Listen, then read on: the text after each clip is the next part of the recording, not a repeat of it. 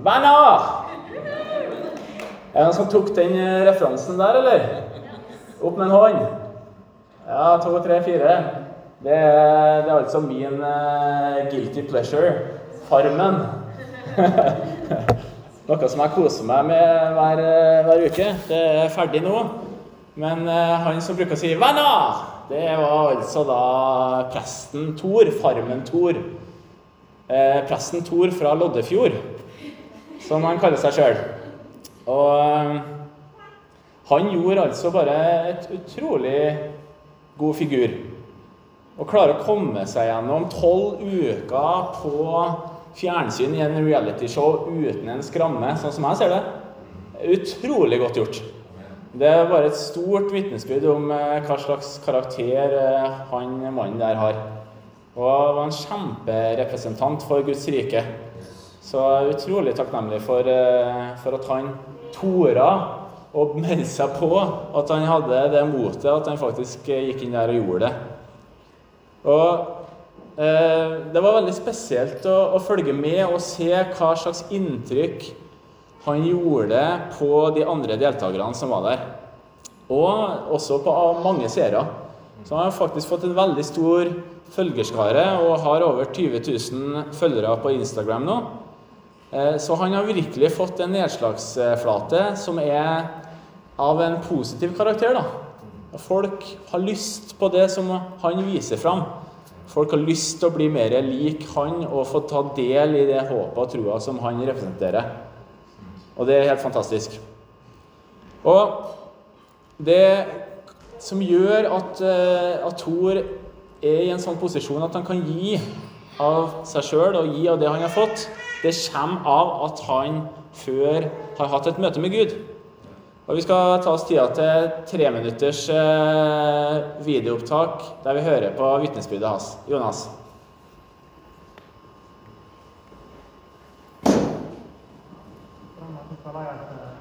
Ble kristen da jeg var 17 år.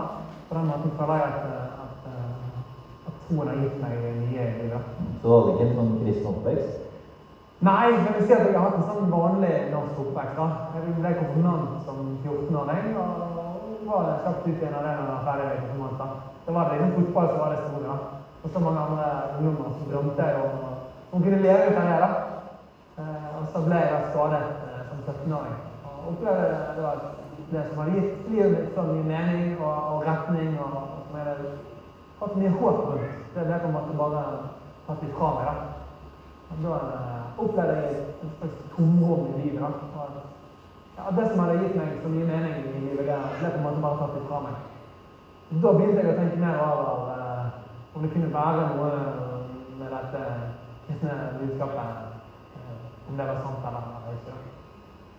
Hvordan var det du da gikk videre med eller, ja, det, var, det, det, er ikke hvem som helst som bare kommer på tanken om at uh, nå som fotballrøk, så er kristendommen Ja, det er ikke riktig. Nei, det, for meg var det litt Det ble en krisetid, da i en tid eh, som, var ganske tung.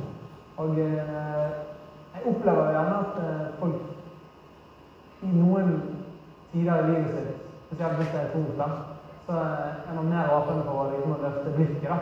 Når man har det så godt av fint, sånn, så, så, er det jo fint rundt en. Man trenger ikke løfte blikket. For meg ble det en, god tid til å kunne tenke over ting og sånne, sånne greier. altså tenke over liksom, de store spørsmålene i livet. Og så hadde jeg ikke noe, noen kristne venner eller ikke noe sånn kristen fellesskap. Men jeg bestemte meg en kveld da jeg hadde en veldig tung dag, for å, å prøve å be på mitt eget rom. Prøve å be til Gud. Og det var en sånn Gud, innskyld for at jeg har gått min egen vei. Hvis du fins, så skal jeg jo ha 100 for deg. Og mens jeg var det, så ser jeg det som har, har forvandlet mitt liv. da. Eh, for det var akkurat som det strømmet liksom sånn ufattelig kjærlighet, eh, fred og godhet over meg. Hjertet mitt Jeg bare eksploderer. eksplodere. Jeg kom bare mye, mye sterkere. da. Eh, og jeg begynte å grine og grine og grine og kjente at wow, Gud finnes. Han bryr seg om meg. da. Og da valgte jeg lange veien til å ta kontakt igjen med han som hadde vært konfirmantpresten min. da. Jeg fikk en prat med han og startet da i det ungdomsarbeidet i Loddefjord. Mm. Ja. Det var et eh, kort vitnesbyrd fra Thor. Og jeg tenker det at eh, Det som han eh, viser til her, det er jo det som er en, eh, en nøkkel i troa vår, også, som også jula handler om. At Gud er en Gud som gir gode gaver til dem som ber Han. Så Thor har en lengsel etter Gud. Han går på gutterommet sitt og han ber til Gud, og Gud svarer bønn. Det kan vi lese om i Matteusevangeliet kapittel 7. Der står det Be, så skal dere få. Let, så skal dere finne. Bank på, så skal det lukkes opp for dere. For den som ber, han får, og den som leter, han finner. Og den som banker på, skal det lukkes opp for. Eller hvem av dere vil gi sønnen sin en stein når han ber om brød? Eller gi ham en orm når han ber om en fisk? Selv når eh, dere som er onde, vet å gi barna deres gode gaver, hvor mye mer skal ikke da deres far i himmelen gi gode gaver til dem som ber ham? Så dette er et av de mange løftene som Gud har gitt oss. Han skal gi gode gaver til dem som ber ham. Og Det har vært på Guds hjerte til all tid. Og Det ser vi også fra profeten Jesaja når han skriver i kapittel 29. Når dere kaller på meg og kommer for å be til meg, vil jeg høre på dere. Dere skal søke meg, og dere skal finne meg. Når dere søker meg av et helt hjerte, lar jeg dere finne meg, sier Herren. Og i år så er det et, eh, et spesielt år. Det er selvfølgelig. Eh, for meg så er det også spesielt på et annet vis. Det er altså da 20 år siden jeg hadde mitt måte, gjennombruddsmøte med Gud. Og det er verdt å feire. Og, jeg husker godt ennå når jeg eh, dro av gårde Jeg var med på en estlandstur eh, sommeren 2000. Og hadde ingen forventning om at jeg skulle få noe møte med, med Gud på den turen. Men jeg dro av gårde, for det, det hørtes spennende, spennende ut å dra ut sammen med gode venner til et nytt land. Få være med å arrangere leir, fotballeir. Og så kommer jeg dit, og så møter jeg mennesker, ungdommer, som har hatt et møte med Gud.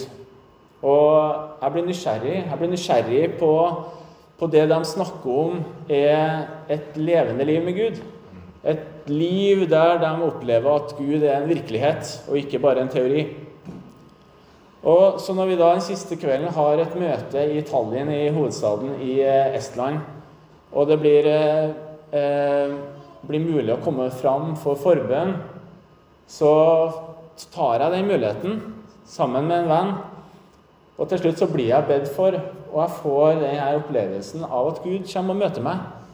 Der og da.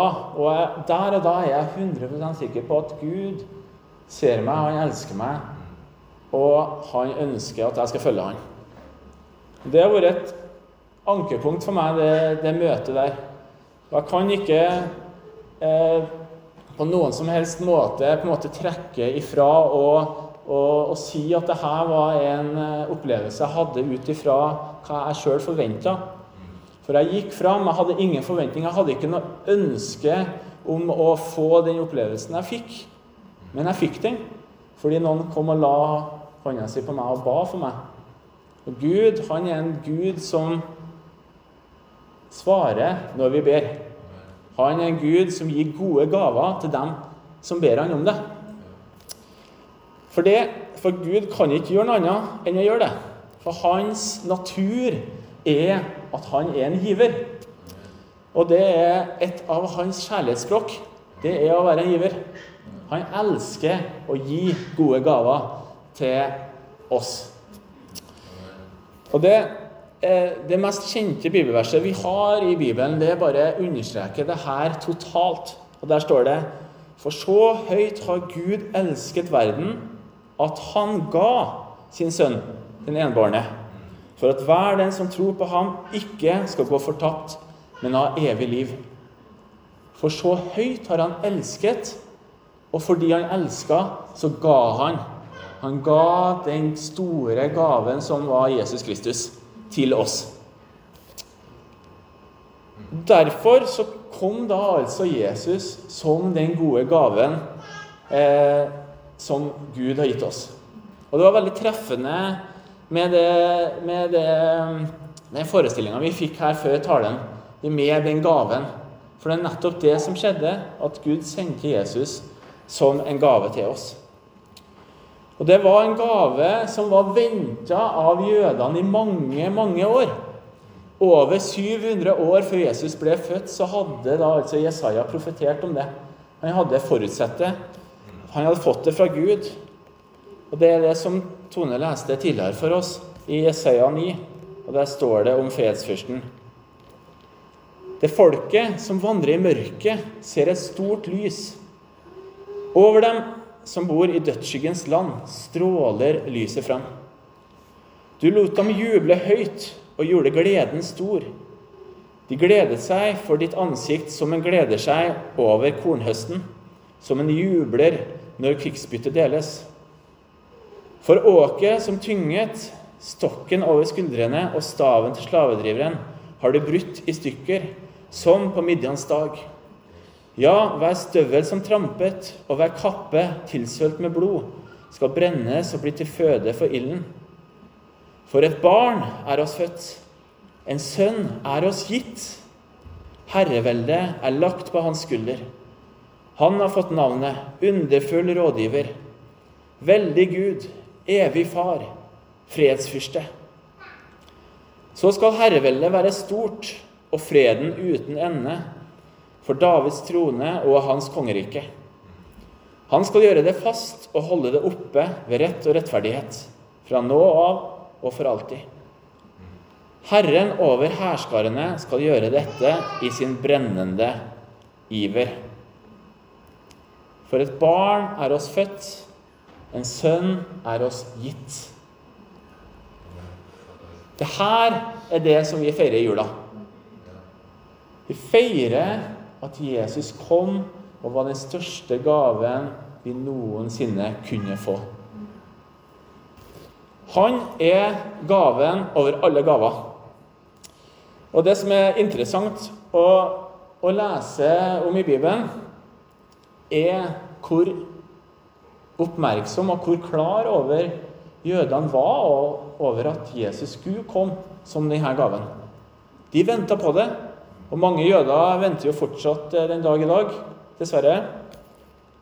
Men det er heldigvis også mange jøder som, eh, som har kommet til tro på, på, Messias.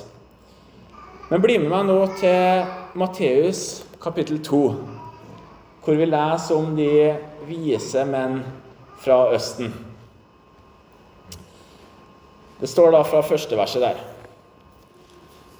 Da Jesus var født i Betlehem i Judea på den tiden Herodes var konge, kom noen vismenn fra Østen til Jerusalem og spurte:" Hvor er jødenes konge, som nå er født?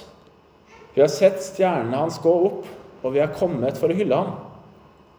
Da kong Herodes hørte det, ble han svært urolig, og hele Jerusalem med ham.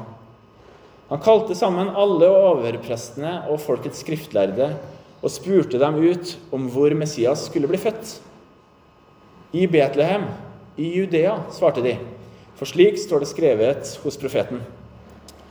Du Betlehem i Judaland er slett ikke den ringeste av fyrstene i Juda, for fra deg skal det komme en fyrste som skal være hyrde for mitt folk Israel. Da kalte Herodes vismennene til seg i all stillhet og spurte dem nøye ut om tiden da stjernen hadde vist seg. Så sendte han dem til Betlehem og sa:" Dra av sted og forhør dere nøye om barnet. Og når dere har funnet det, så meld fra til meg, for at også jeg kan komme og hylle det. Da de hadde hørt kongens ord, dro de av sted. Og se, stjernen som de hadde sett gå opp, gikk foran dem inntil den ble stående over stedet der barnet var. Da de så stjernen, ble de fylt av jublende glede. De gikk inn i huset og fikk se barnet hos moren, Maria og de falt på kne og hyllet ham. Så åpnet de skrinene sine og bar fram gaver til barnet. Gull, røkelse og myrra. Så her er det altså da noen vise menn fra Østen som har eh, sett en stjerne på himmelen. Og ut ifra det de har sett, er blitt fullstendig overbevist at nå er jødenes konge født. Bare se hvordan de eh, stiller det spørsmålet. Hvor er jødenes konge som nå er født? Det var ikke noe 'har du hørt om', eller 'visste du', eller Nei, det var 'hvor er han'? Og, og det er jo litt interessant da, at de, de vise mennene de, de har sett denne stjernen. Og de går da og tenker ok, hvordan skal vi klare å finne fram til jødenes konge? Jo, ok, da går vi til Jerusalem, og hvem kan vi spørre der? Jo, det er best å bare gå til kongen og spørre sjøl. Ikke sant? Og kongen Herodes han hadde jo tatt over makta med hjelp av romerne. Og ga jo seg sjøl den tittelen 'jødenes konge'. Så når det kommer noen vismenn, da, sikkert som er, som er litt rik og, og, har litt å komme med, som spør hvor er jødenes konge, så kan man skjønne at han blir litt skeptisk. At han ikke blir helt fornøyd. Ikke sant? Og, men så er det da interessant å se det, hvordan de her overprestene og skriftlærde de kan, de kan Skriften. De vet hva som eh, står. Så når de får det her spørsmålet, så slår de opp. Jo, hvor er det jødenes konge skal bli født? Jo, det er Betlehem. Det var, De fant fram fasiten. Og ut ifra det svaret så tar da de vismennene og drar videre dit. Og Det er ca. 10 km mellom eh, Jerusalem og Betlehem. Nå vet ikke jeg helt akkurat eh, fra det slottet til, eh, til den krybba hvor den lå, da. men røftlig rundt omkring. Og når de da drar av gårde, så ser de jo at denne stjernen som har fulgt dem, den, den lyser jo vei hvor de skal gå nå. Og når de, er, eh, når de kommer fram, så skjønner de at de er framme fordi at den stjerna står i ro. Og det står da at da blir de fylt av jublende glede. De har ikke sett Jesusbarnet fysisk ennå. De har bare skjønt her må han være. Og den effekten som Gud gir til folk når de forstår at nå skal jeg få den største gaven jeg noen gang skal få, det er jublende glede. Det er den effekten Gud har. og, og, da går de inn. De kneler ned, og de hyller det her barnet.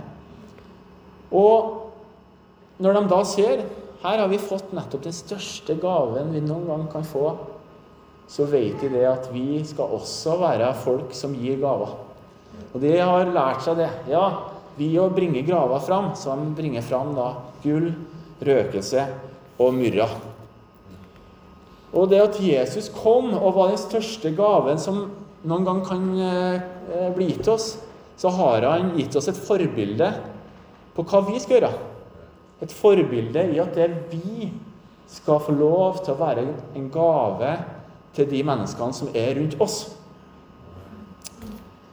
Og en som forsto det her, en som har lest evangeliet, en som har blitt møtt av Jesus, og som har forstått det at jeg er nødt til å være en gave til de menneskene rundt meg, det er en mann som het for Nikolas av Myra.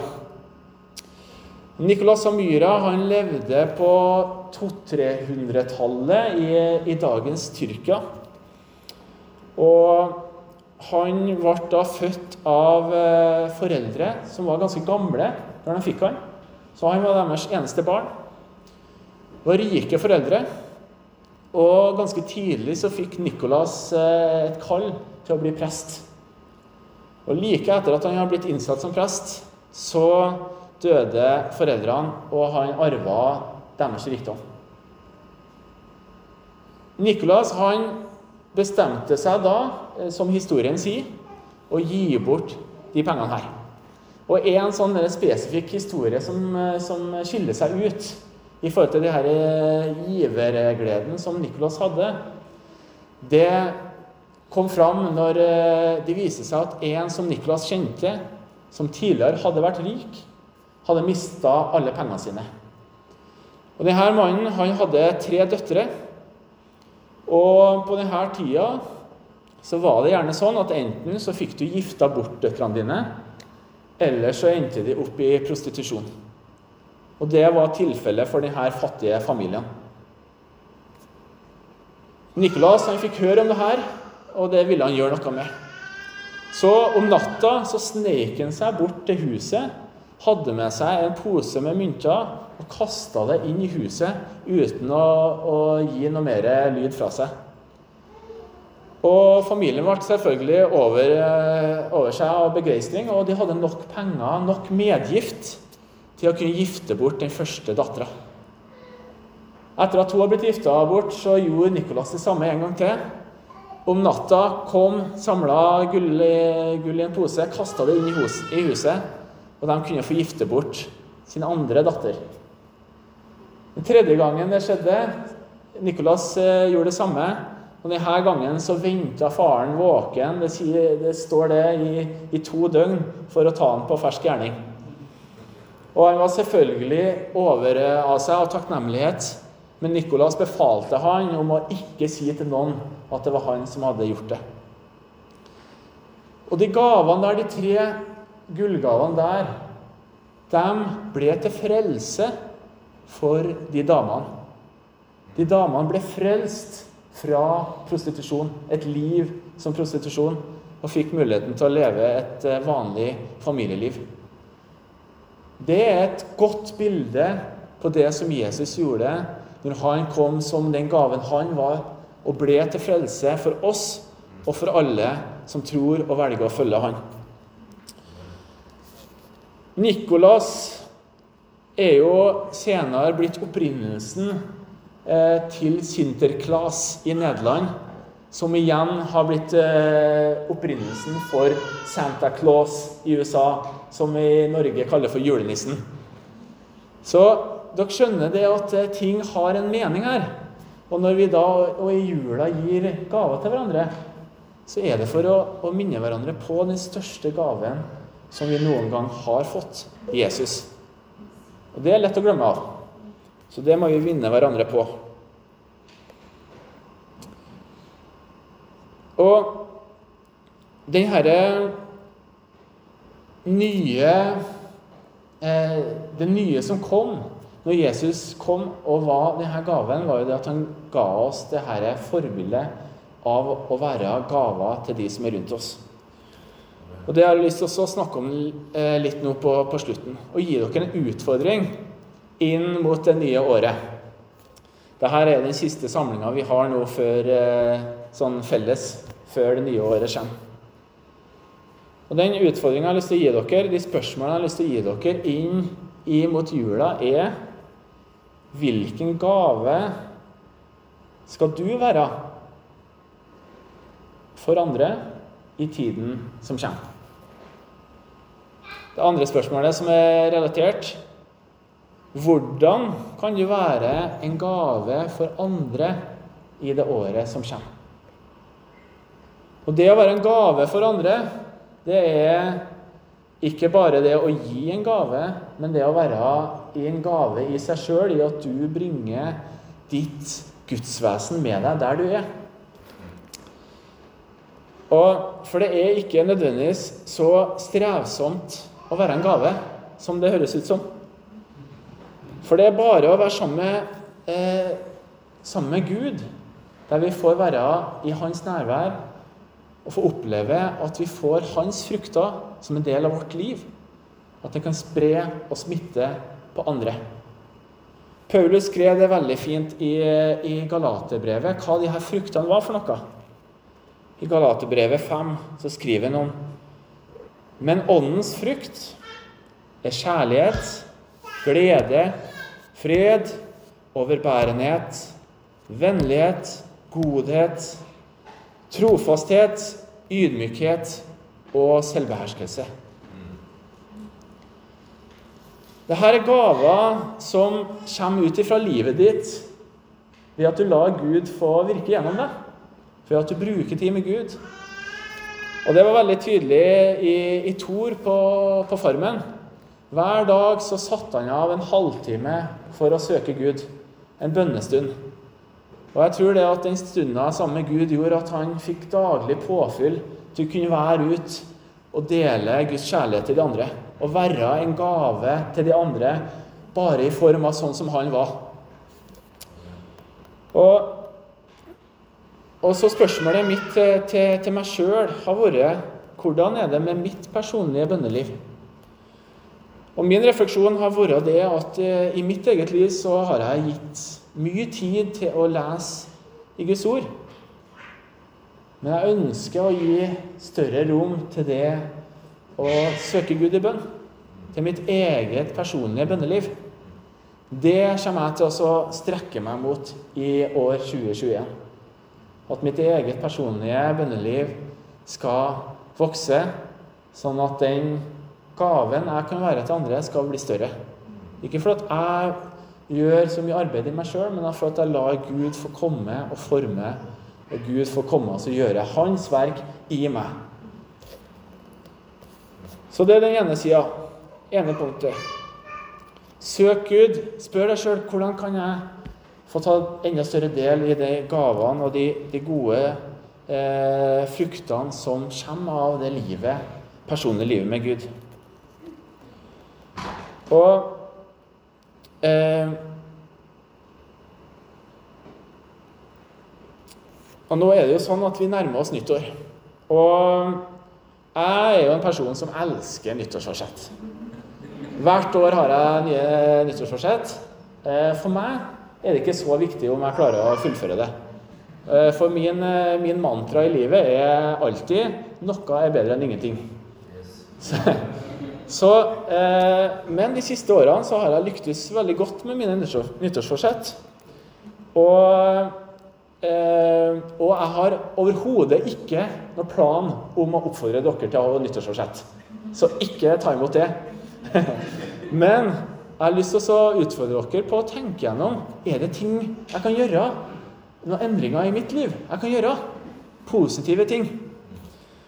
Og eh, der har jeg tenkt på f.eks. det med å Kan det være at jeg kan i neste år begynne å invitere noen på middag? en gang i måneden f.eks. Kan det være noen, en person jeg skal sende en SMS til eller en telefon til regelmessig? Kan det være en pengegave jeg skal gi til noen? Til en venn eller til en organisasjon eller til noen som gjør noe bra, som jeg skal begynne med? Hvordan den godheten som vi ønsker å gi ut, hvordan den ser ut, det er så stort mangfold. Men la oss bruke tid i jula til å tenke på det. Gud kom som den største gaven han noen gang, du noen gang kan få. Hvordan kan jeg bli en gave til de som er rundt meg, de som jeg treffer på skolen, på jobben, i nabolaget, rundt omkring?